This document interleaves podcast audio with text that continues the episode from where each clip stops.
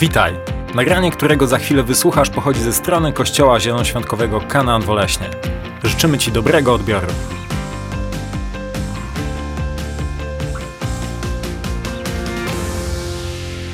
Dobrze Was widzieć.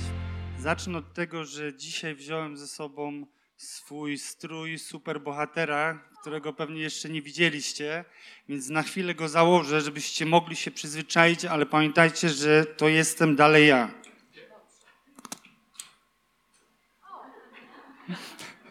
Moja żona mówi, że nareszcie wyglądam inteligentnie. Bardzo ładnie.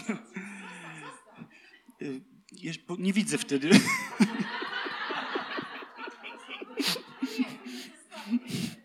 Okej. E, Czułem, że moje serce jest pobudzane, aby mówić o wierze w tą stronę mnie pchało. I tak naprawdę skupimy się dzisiaj na super bohaterze. Na, na osobie, która zapisała się na kartach Bożego Słowa jako bohater wiary. I tak na, naprawdę będzie to historia, e, która, e, na której mógłby być, na kanwie, której mógłby być nagrany hollywoodzki film pod tytułem Od zera do bohatera. I żył kiedyś pewien taki człowiek, kaznodzieja, pastor, nazywał się Reinhard Bonke. To był człowiek, który przeprowadził miliony osób do Pana Jezusa Chrystusa. I zanim opowiem tą sentencję, którą, która tak mnie dotyka, którą on powiedział, to tak naprawdę teraz na Ziemi, teraz w Polsce, kiedy żyjemy, mamy różną walutę, którą się posługujemy i za co możemy różne rzeczy kupić. Czy to złotówki, czy dolary, może złoto, srebro, euro i tak dalej. Posługujemy się tutaj na Ziemi pewną walutą. A on powiedział, że istnieje waluta nieba i że jedyną walutą nieba jest wiara. Jedyną walutą nieba jest wiara. I jakiś czas temu słyszeliśmy opowieść o tym, jak przez niewiarę pewna kobieta przegrała swoje życie, straciła swoje życie razem ze swoim mężem Lotem, przez to, że nie wierzyli, doszli do momentu, w którym nie byli w stanie siebie uratować, nie byli w stanie wyjść z Sodomy, nie byli w stanie, e, jakby Lot nie był w stanie przez swoją niewiarę w sercu pomóc swojej żonie, pomóc swoim dzieciom, pomóc swoim zięciom. Nawet aniołowie nie byli w stanie wyciągnąć ich z Sodomy przez to, że ich w sercu była niewiara i przez to, że ciągle postępowali wbrew temu, co mówił do nich Pan Bóg. Zatytułowałem to przesłanie Wiara ratuje, ale wiara kosztuje. I naszą superbohaterką będzie znowu kobieta, której imię to Rahab. Zaczniemy od listu do Hebrajczyków, od 11 rozdziału, od 6 wersetu. Bez wiary zaś nie można podobać się Bogu. Kto bowiem przystępuje do Boga, musi wierzyć, że On istnieje i że nagradza tych, którzy Go szukają. Więc pierwszą, najważniejszą rzeczą jest to, że po, naprawdę Bogu podobają się ludzie wiary, Bóg honoruje wiarę i Bóg nagradza wiarę.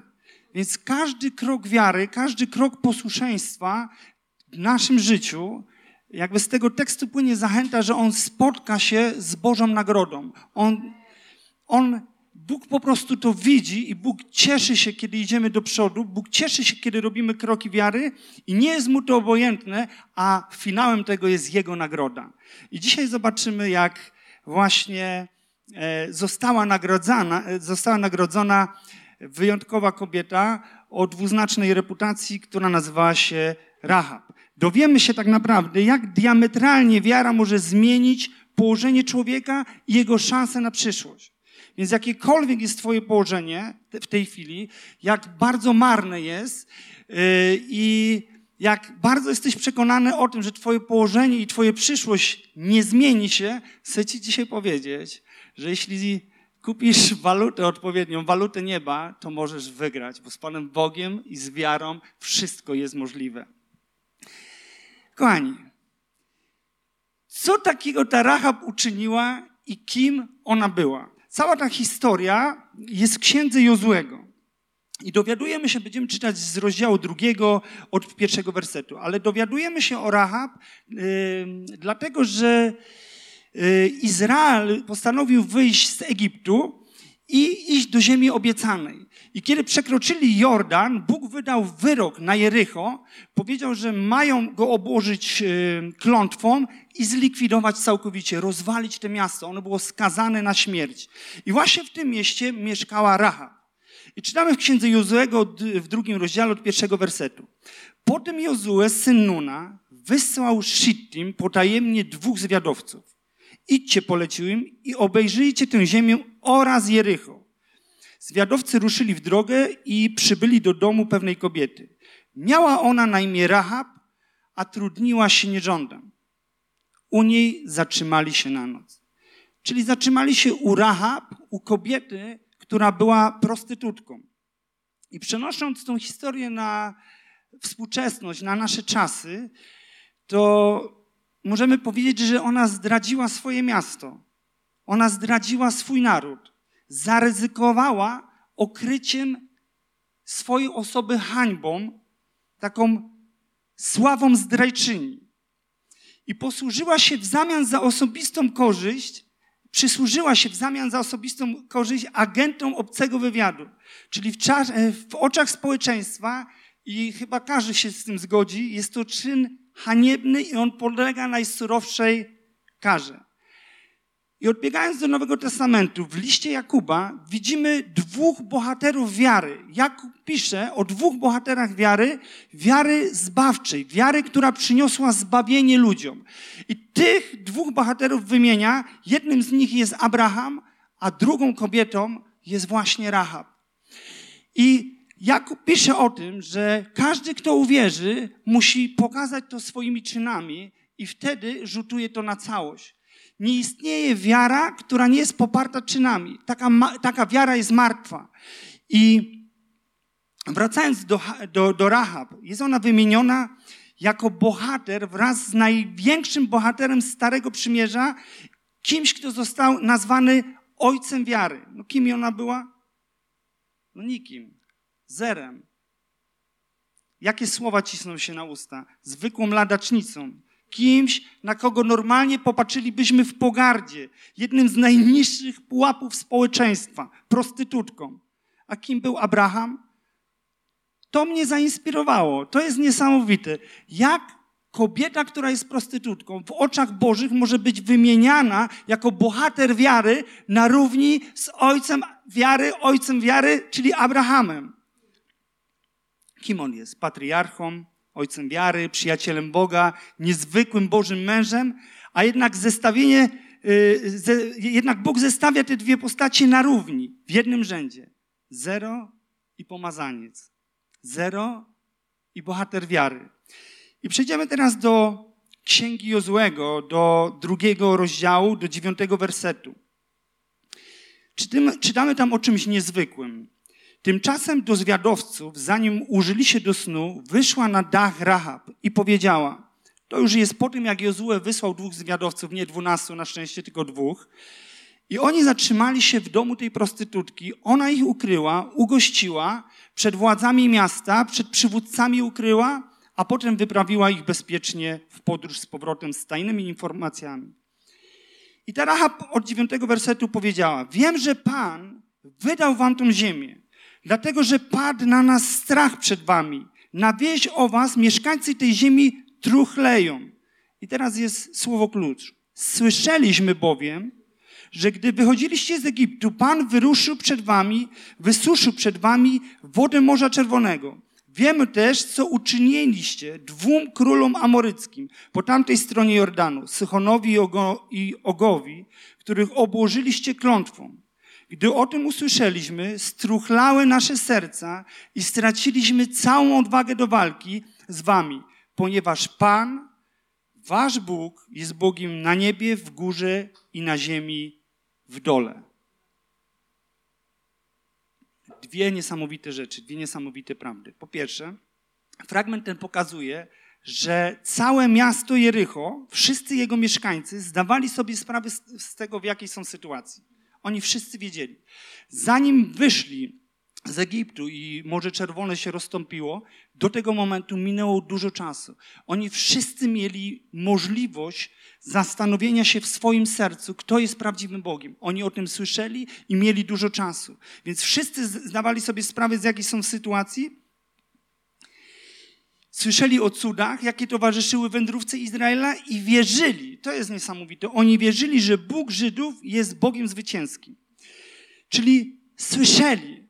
I jest jedna historia Nowego Testamentu, która od razu porusza moje serce i wskazuje na to, jak bardzo ważną rzeczą jest, kiedy słyszymy prawdę i co musimy z nią zrobić. Kiedy Pan Jezus przechodził przez tłumy ze swoimi uczniami, one napierały na Niego. Oni Go dotykali, tulili się do Niego, ocierali się od Niego. Ale była jedna kobieta. Była to kobieta, która cierpiała na krwotok 12 lat. Jej nie powinno być w tym tłumie, dlatego że według prawa żydowskiego była nieczysta. Nie mogła nikogo dotykać. I jest napisane o tej kobiecie, że ta kobieta jedyne co wiedziała o Chrystusie to to, że o nim usłyszała. Ona usłyszała i powtarzała sobie w swoim sercu: Jeśli tylko dotknę jego szaty, będę uzdrowiona. I zobaczcie, jakie to jest tragiczne, że jest tylko cała, jest tylko jedna kobieta, która dotyka Chrystusa w sposób naturalny, ponadnaturalny i wychodzi z niego moc ku uzdrowienia, a całe inne tłumy dotykają go, cisną się na niego i nikt nie bierze swojego cudu. Tylko jedna kobieta, która jest nieczysta, która w oczach ludzi jest skalana, dotyka Chrystusa tylko dlatego, ponieważ o nim usłyszała. Ponieważ o nim usłyszała. My dzisiaj jak wiele wiemy o Chrystusie. Prawdziwi teologowie. My już wiemy wszystko. I nagle patrzymy na kobietę, która jest zamknięta w Jerychu, którą otaczają mury, która jest skreślona w oczach tego świata, na którą ludzie patrzą z pogardą i jako jedyna z wszystkich, którzy usłyszeli, ma wiarę, że to jest prawdziwy Bóg i najpierw usłyszała, a potem, potem uwierzyła, a następnie uczyniła, zrobiła krok wiary. I to jest niesamowite. Widzicie, po, podobną postawę tak naprawdę niektórzy dzisiaj nazywają wiarę, postawę, którą mieli ludzie e, z Jerycha. Bo oni słyszeli, oni wierzyli, oni byli przekonani, że ten Bóg, który jest z Izraelem, czyni cuda, ma władzę i może zniszczyć ich życie, zniszczyć Jericho. Jak to jest u nas? Wiemy, ale robimy swoje, albo jak ludzie z Jericha, nie robimy nic.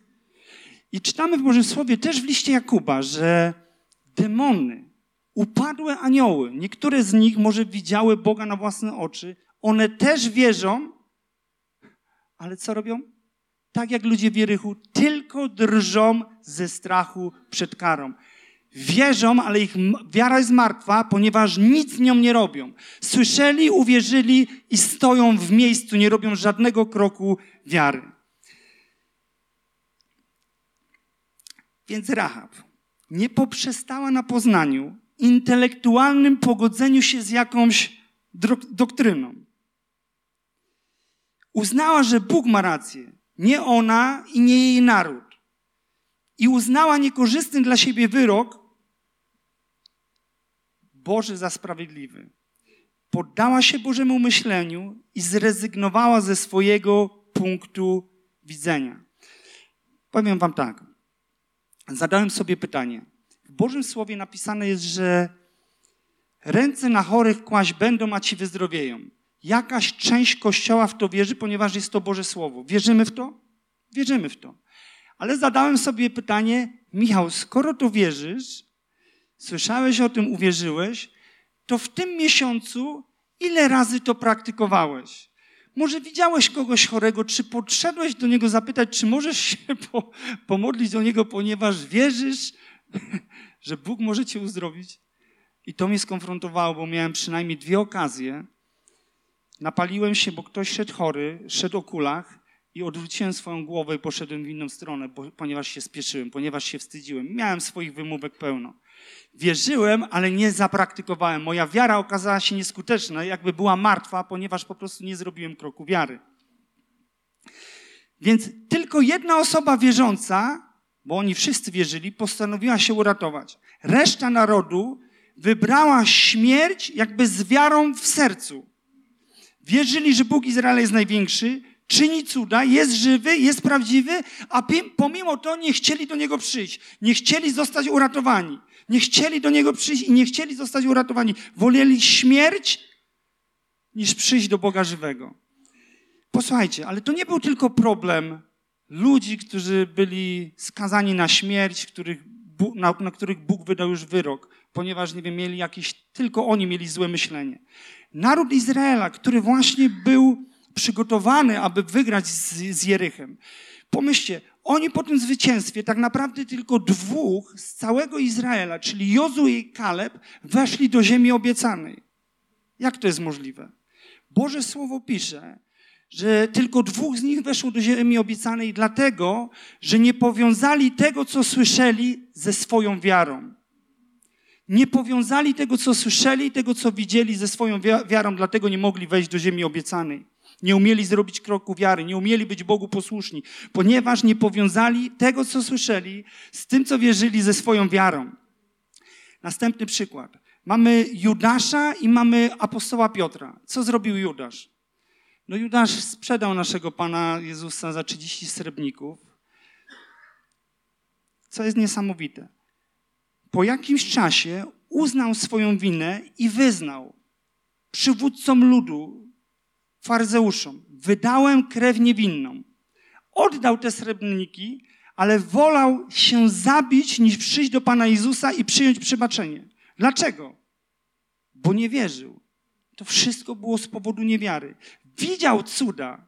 On widział cuda, prawdopodobnie sam w nich uczestniczył, sam ich dokonywał, ale do tego przeciwko komu zawinił, przyjść nie chciał. Z drugiej strony mamy apostoła Piotra. No niezły gagatek. Trzy razy zaparł się Zbawiciela. Był z nim w przyjaźni. Trzy lata z nim chodził i trzy razy się go wyparł. Na dodatek jeszcze był niesamowity, bo on mówił, nawet jak wszyscy cię zostawią, ja z tobą pójdę na śmierć. Ja z tobą pójdę na śmierć. On był niesamowity, to był niezły chojrak. Ale trzy razy się go zaparł. Co ich różniło? To, że to, co słyszał z nauczania Pana Jezusa, apostoł Piotr zastosował, zrobił krok i po prostu po tym wszystkim przyszedł do Zbawiciela. Przyszedł z nim porozmawiać i co usłyszał? Paś owieczki moje. Paś owieczki moje. Co ich różniło? Tylko to, tylko to, że apostoł Piotr miał w sercu wiarę, że Jezus może, że Jezus może zmienić jego sytuację. Usłyszał o Jezusie, uwierzył Jezusowi i przyszedł do Jezusa. I wracając do naszej bohaterki. Wracamy do Księgi Jozuego, do drugiego rozdziału. Będziemy czytać 18 i 20 werset. Mamy tutaj, myślę, coś ukrytego dla nas. Zwiadowcy powiedzieli do niej jeszcze: Ustalmy, że w ten sposób spełnimy przysięgę, którą nas związałaś. Otóż, gdy wejdziemy do tej ziemi, to przywiążesz do okna, z którego nas spuściłaś, tę stęgę ze szkarłatnej nici. W innym tłumaczeniu czerwony sznur. Swoich bliskich, ojca, matkę, braci, całą rodzinę ojca. Zabierz, zbierz u siebie w domu. Po czym wyprawiła ich i poszli. Ona zaś przywiązała do okna szkarłatną wstęgę. Czerwony sznur, czy ta szkarłatna wstęga była tak naprawdę znakiem przymierza z Izraelem, która ona zawarła. Ona uwierzyła, potem wyznała, że to jest jedyny Bóg, on czyni znaki i cuda, ale do tego przymierza po potrzebowała widzialny znak, który może ją uratować. I tym znakiem ratunku właśnie był, był, był ten czerwony sznur, czy ta szkarłatna nić. Szkarłatna nić. Ale interesujące to jest, że chociaż ten znak konieczny był dopiero wtedy, kiedy do Jericha wkroczy Izrael, ona pobiegła, Rahab, i wywiesiła tę szkarłatną nić, ten czerwony sznur natychmiast. Niedawno miałem taki przypadek. Zadzwonił do mnie człowiek i nawywijał bardzo mocno w swoim życiu. Bardzo mocno, taki skomplikowany, przy, przy, skomplikowany przypadek. I złamał sobie przy tym palca u nogi. I przyszedłem, zacząłem mówić mu o Panu Jezusie, A on, i zaproponowałem, słuchaj, to teraz, kiedy już przeprosiłeś Boga, kiedy pojednałeś się z Nim w tym wszystkim, co, co narobiłeś, to pozwól, że pomodlę się o ten palec. Wiecie, jak zareagował? Ja jestem winny. Nie możemy modlić się o ten palec. To mi się należy. Ja powinienem cierpieć.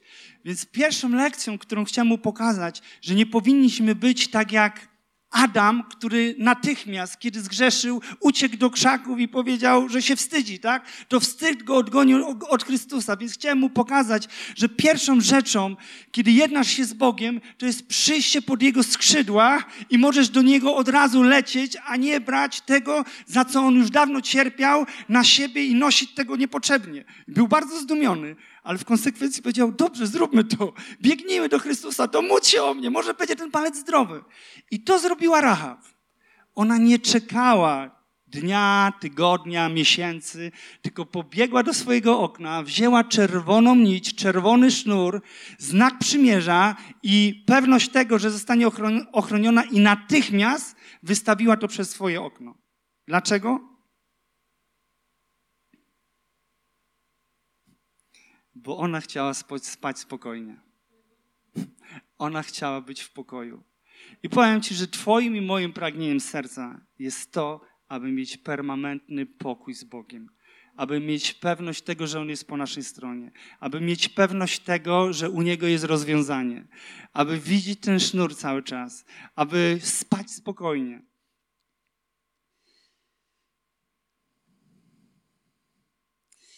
Będziemy czytać dalej ale przejdziemy już do 12 rozdziału tej księgi drugiej Mojżeszowej, od 22 do 23 wersetu.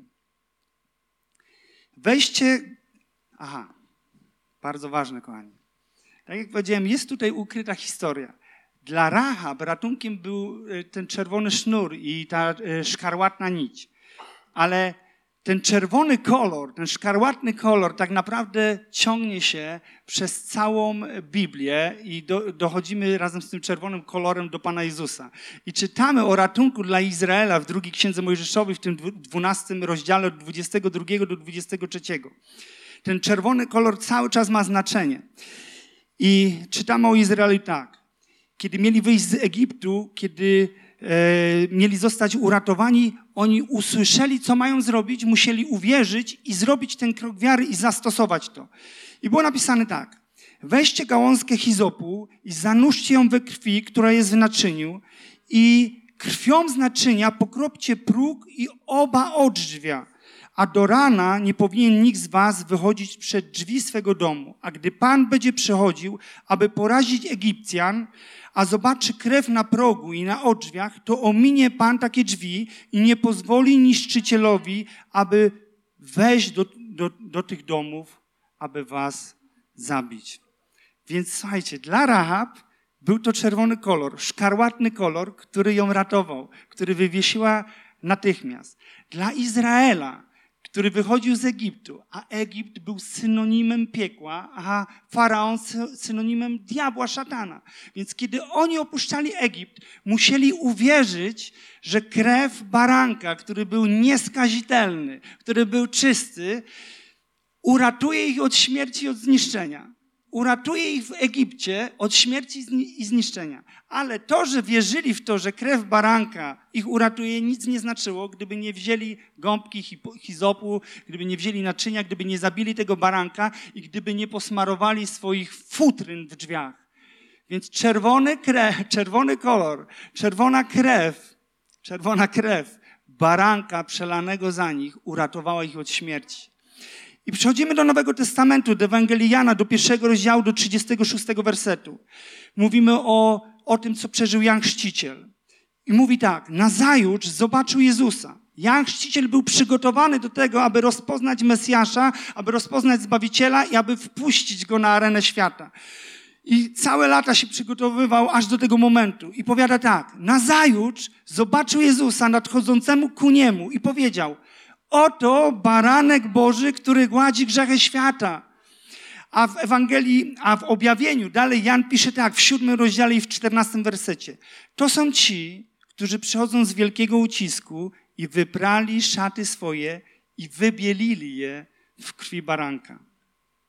Więc Synowie Izraela w Egipcie mieli krew baranka na futrynach swoich drzwi. Rahab nierządnica, prostytutka, miała czerwony sznur w oknie. A my dzisiaj mamy krew Jezusa przelaną za nas na krzyżu.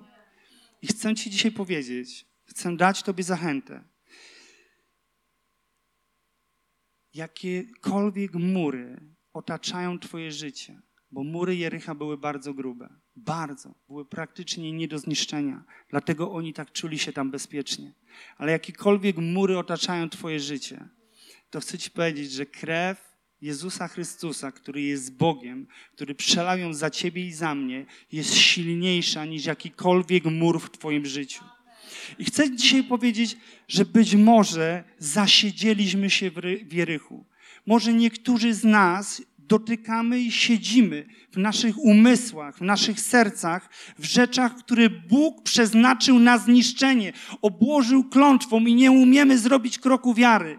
Ale my nie jesteśmy z tych, którzy giną ale jesteśmy z tych, którzy zachowują wiarę i zwyciężają. Jesteś przeznaczony, aby pokonać każdy mur Jerycha, każdy mur złego myślenia. I chcę Ci dzisiaj powiedzieć, że Bóg chce Cię wyciągnąć z tego, co jest dla Ciebie niemożliwe.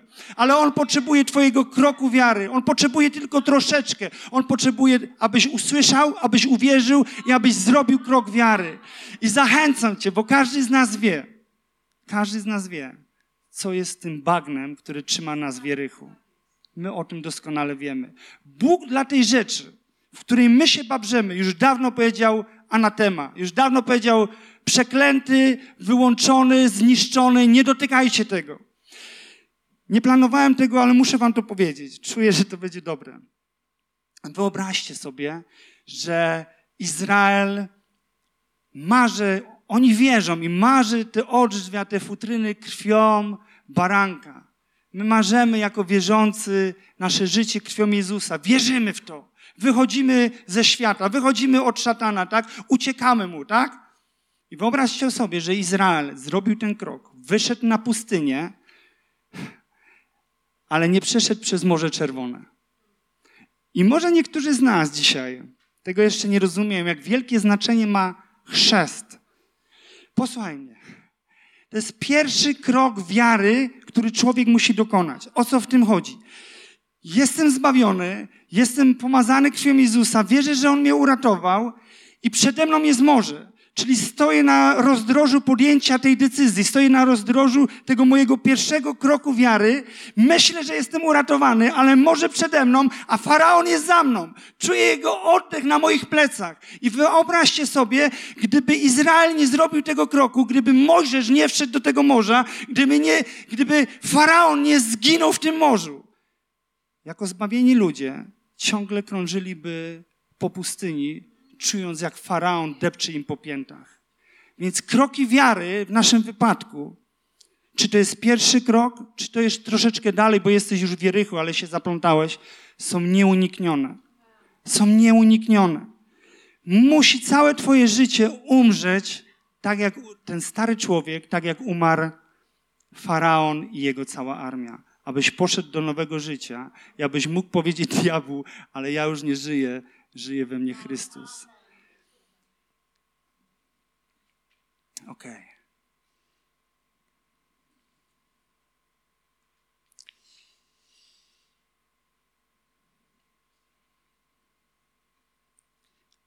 Powiedziałbym już kończąc, ale nie chcę, żeby Magda za, za bardzo się męczyła. zbliżamy się do końca, zbliżamy się do końca, małymi krokami. Zbliżamy się do końca. Tak jak powiedziałem na początku, czytaliśmy z listu do Hebrajczyków, że jest nagroda za wiarę. Bóg honoruje Twoje kroki wiary. Przeczytajmy od księgi szóstej, księga Jozuego, szósty rozdział, 22 do 20, od 22 wersetu do 25. Małymi krokami zobaczymy tą nagrodę. Będziecie zdumieni. Ja jestem zdumiony tym, co zaraz wam powiem. Jozue tymczasem rozkazał dwóm zwiadowcom, którzy wcześniej byli na przeszpiegach w tej ziemi. Idźcie do domu tej nierządnicy, jak przysięgliście. Wyprowadźcie stamtąd ją samą oraz wszystkich jej bliskich. Zwiadowcy poszli i wyprowadzili Rahab, jej ojca i matkę, jej braci i wszystkich jej bliskich. Wyprowadzili całą jej rodzinę i umieścili ich na zewnątrz obozu Izraela. Miasto wraz z wszystkim, co w nim było, spalono ogniem. Tylko srebro i złoto, przedmioty z miedzi i żelaza oddano do skarbca domu Pana. Nierządnicę Rahab, prostytutkę, dom jej ojca i wszystko, co należało do niej, Jozue zachował przy życiu. Mieszka ona w Izraelu do dnia dzisiejszego, gdyż ukryła posłańców, których Jozue wysłał do Jericha na zwiady. Niesamowita rzecz. Lot tak mocno stracił autorytet, że jego słowo jako ojca rodziny nie miało żadnego znaczenia. Nie umiał wyrwać swojej żony na swoje słowo, swoich córek, zięciów, ani ludzi, z którymi mieszkał. Nadto nawet aniołowie nie umieli z wielką siłą, musieli ich wyszarpać, aby wyszli z Sodomy. I pomimo wszystkich tych zabiegów, żona Lota przegrała. A Lot został nazwany sprawiedliwym w oczach Boga i nie znalazł się w panteonie gwiazd wiary, superbohaterów, a Rahab prostytutka. Dlatego, że miała wiarę w swoim sercu, na jej słowo. Pomyślcie przez chwilę, jak, co myślicie o prostytutkach? Pomyślcie. Naszej hierarchii ważności, jak są wysoko. Tak? Ale na jej słowo, dlatego, że miała wiarę w sercu, wyrwała swoich rodziców, swoich, całą swoją rodzinę i oni za nią poszli. I nadto swoich bliskich i przyjaciół, którzy zgromadzili się w tym domu. To wszystko było spowodowane tym, że jedna prostytutka, jedna kobieta, której życie było zniszczone, postanowiła zaufać Bogu Wszechmogącemu, Bogu Izraela. I to jest zachęta dla nas, że jeżeli Rahab której życie tak bardzo się nie poukładało, bo nie wiemy, dlaczego znalazła się w tym miejscu. Możemy, kończąc już, zagrać. Nie wiemy, czemu ona znalazła się w tym miejscu, ale wiemy jedno, że wiara w to, że Bóg może, zmieniła diametralnie jej życie, jej przyszłość, uratowało jej rodzinę, uratowała jej bliskich i teraz hit i otrzymała Bożą nagrodę. Rahab, kiedy została uratowana, poślubiła księcia Judy. I czytamy w Ewangelii Mateusza w pierwszym rozdziale od 5 do 6 wersetu. A Salomon zrodził z Rahab Boaza, a Boaz urodził z ród, zrodził z Jobeda, a Jobed był ojcem Jessego, a Jesse był ojcem Dawida, króla, a Dawid zrodził z żony Uriasza Salomona. Zobaczcie, jak wiara diametralnie zmieniła położenie kogoś, kto był przegrany w oczach tego świata. Zdumiewający jest fakt, że w patriarchalnej genealogii, Jezu, genealogii Jezusa pada aż pięć imion kobiet. Tego wcześniej nie praktykowano w, żydow, w żydowskich rodowodach. Ale jeszcze bardziej zaskakujące to, że były to kobiety wątpliwej reputacji. Była to, były to poganki. Była to na przykład Tamar, która przebrana za nierządnicę uwiodła swojego teścia. Była to Rahab, która była prostytutką. Była to Patrzeba, która zdradziła swojego męża. Była to Rud Moabitka, Moabitka, ktoś, kto nie powinien w ogóle znaleźć się w rodowodzie. To był odwieczny wróg Izraela. Wszystkie te cztery kobiety były wątpliwej reputacji, jednak znalazły się w rodowodzie Jezusa Chrystusa, który sam wybrał te kobiety, aby były jego prababkami. Z tych wszystkich niewiast tylko jedna była niesamowita, o czystej historii. Była to Maria, matka Jezusa. Więc w konsekwencji posłuszeństwa, posłuchajcie, w konsekwencji posłuszeństwa jednej osoby, Została ona włączona do społeczności narodu wybranego. Przyjęła usprawiedliwienie. Została usprawiedliwiona ze swoich grzechów na podstawie wiary w, je, w jedynego Boga, Boga Izraela. Udało się. Dostała cudownego męża i weszła w ród w pokolenie Judy, z którego pochodził Jezus Chrystus. I w tym wszystkim weszła do linii mesjanistycznej. To wszystko dlatego, że uwierzyła, że Bóg może.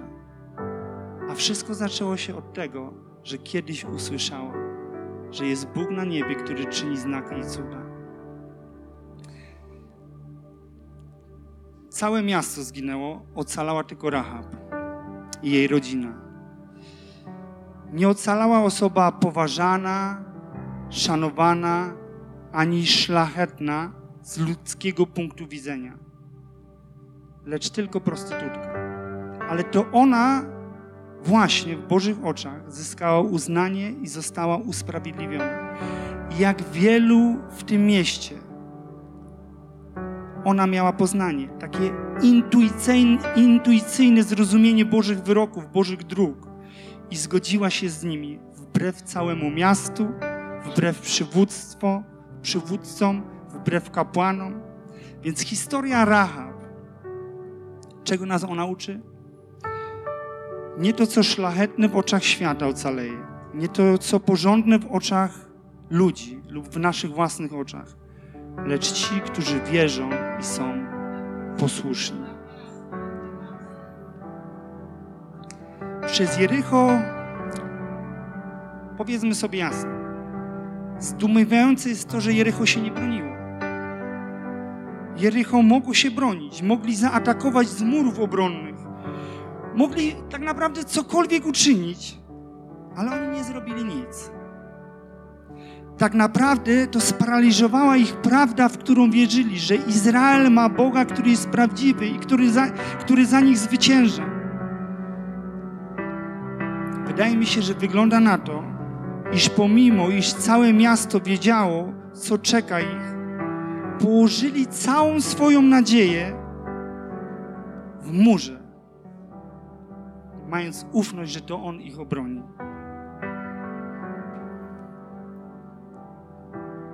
Gdybyśmy dzisiaj jako Polacy zostali zaatakowani przez obcy naród,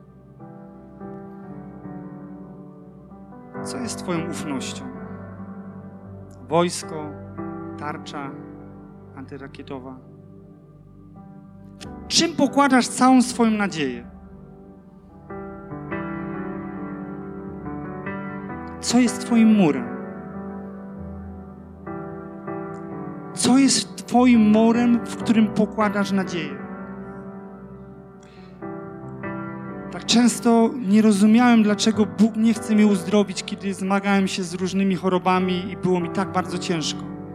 Ale pierwsze co, kiedy myślałem o moim zdrowiu, to biegłem do apteki. Co jest Twoim murem? Czy naprawdę Bóg jest wszystkim? Całym Twoim oparciem i całą Twoją nadzieją? Ten mur stał się więzieniem dla Jerycha. Ten mur stał się tragedią dla ludzi w Jerychu. Stał się niebezpiecznym więzieniem. I nie myśl, że Twój mur jest czymś lepszym. Ty wiesz, z czego musisz wyjść. Ty wiesz, co Bóg już dawno przeznaczył na spalenie. Obłożył klątwą i mówi: Nieczystego nie dotykajcie, wyjdźcie z tego. Naprawdę? Kobieta z krwotokiem i Raha prostytutka jest dla nas przykładem? Bóg wybiera to, co słabe, aby nas zawstydzić. Świetnych teologów. Już tyle już wiemy o Bogu właściwą teologię, cudowny kościół, świetne uwielbienie. Ale Rahab i jej historia konfrontuje moje serce. Kiedy ostatnio rozwaliłeś z Bogiem mur? Dawid pisał, że on przeskakuje przez mur i rozwala drużynę z Bogiem. Dzisiaj od samego początku czuliśmy, że Bóg chce coś zrobić bo On chce rozwalać mury. On chce dodawać nam siły i nadziei, nadziei, abyśmy rozwalali z Nim każdy mur niewiary. On chce, abyśmy wyszli z Sodomy i chce, abyśmy wyszli z Jerycha, abyśmy niszczyli Jerycha. Jesteś przeznaczony, aby niszczyć mury Jerycha. Jesteś przeznaczony do zwycięstwa, do zwycięstwa. Jesteś przeznaczony do tego, abyś spał spokojnie, wiedząc, że Twoja przyszłość jest bezpieczna.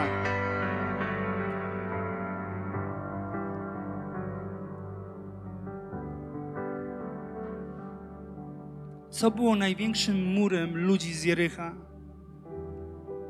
To jest niesamowite. Ich największym murem to był mur niewłaściwego myślenia. I wygląda na to, że wygrywa tylko ten, kto jest jak Rahab. Burzy duchownie, waro, duchowne warownie w głowie, warownie niewłaściwego myślenia i poddaje się pod panowanie Boga. To jest największy mur. Nasze niewłaściwe myślenie.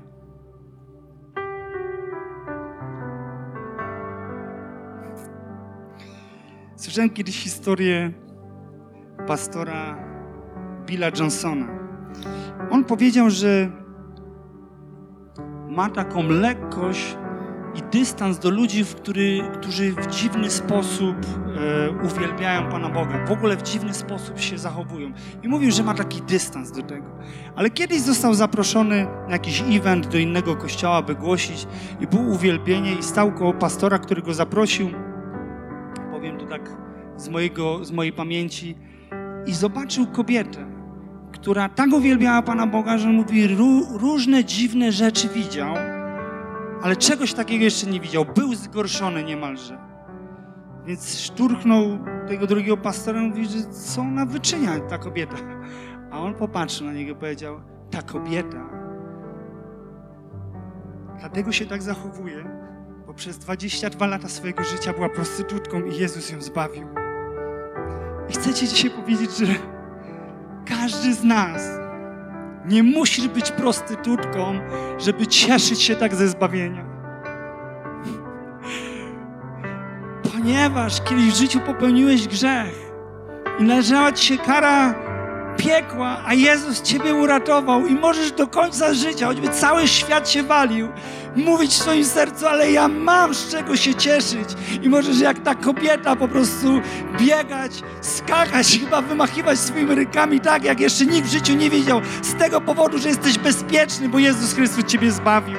I ma dla Ciebie plan, i ma dla Ciebie przeznaczenie. I chce, abyś zniszczył Jericho. Chce, abyś zniszczył mur złego myślenia. Reasumując, Bóg nie zwraca uwagi na pochodzenie, rodowód, miejsce narodzenia, kościół, do którego przynależysz.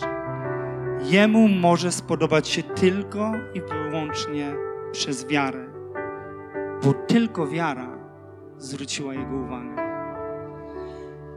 I jeżeli jeszcze w życiu nie oddałeś, nie powierzyłeś swojego życia Jezusowi Chrystusowi, jeżeli nie czujesz się bezpiecznie, nie czujesz, że chwyciłeś ten sznur jak Rahab, jeszcze, jeszcze nie wiesz, co to w ogóle znaczy, że Jezus Chrystus przelał za ciebie swoją krew. Może czujesz się, jakbyś był właśnie w Jerychu i że ciąży na tobie kara śmierci. Chciałem się dzisiaj ciebie zapytać, czy chcesz zaufać Bogu powierzyć Mu swoje życie i poprosić Go o to, aby uczynił Ciebie bezpiecznym na całą wieczność. Jeżeli chcesz poprosić o to Boga, proszę Cię, powtarzaj w prostej modlitwie razem ze mną. Panie Jezu, ja dzisiaj proszę Cię, wyrwij mnie z Jerycha, wyrwij mnie z tego miasta śmierci i daj mi nowe życie, abym mógł dojść do mojej ziemi obiecanej. Jezu, ja czynię Cię dzisiaj moim Panem i Zbawicielem. Jezu, zapraszam Cię do mojego serca. Oddaję Ci moje życie, powierzam Ci moje życie. I Jezu, ja proszę Cię, zapisz moje imię w niebie, w księdze życia, abym mógł spotkać się po śmierci z Tobą. Amen. I zanim się rozejdziemy, powiem Wam tylko jeszcze jedną rzecz. I Rahab i Abraham bez Boga byli nikim. Czcili bałwany, i chodzili za innymi bogami. I dopiero wiara i posłuszeństwo nadały im wartość, tak że mogli stanąć w jednym rzędzie. A to mi mówi, że w Królestwie Bożym każdy może być tu. Od Ciebie zależy, od Twoich kroków wiary, gdzie i jak będziesz żył w swoim życiu. Witaj ponownie. Dziękujemy za wysłuchanie tego nagrania i mamy nadzieję, że pomoże Ci ono zbliżyć się do Boga. Jeśli dziś podejmujesz decyzję o zaufaniu Jezusowi i uznaniu Go Twoim Zbawicielem, to chcemy Ci pogratulować. Modlimy się o Boże działanie w Twoim życiu i zapraszamy Cię serdecznie do Kanaanu, ponieważ wierzymy, że Kościół, czyli wspólnota wierzących ludzi, to najlepsze miejsce do wzrostu i rozwoju duchowego. Szczegóły dotyczące naszych spotkań znajdziesz na stronie www.kanan.pl oraz w naszych mediach społecznościowych.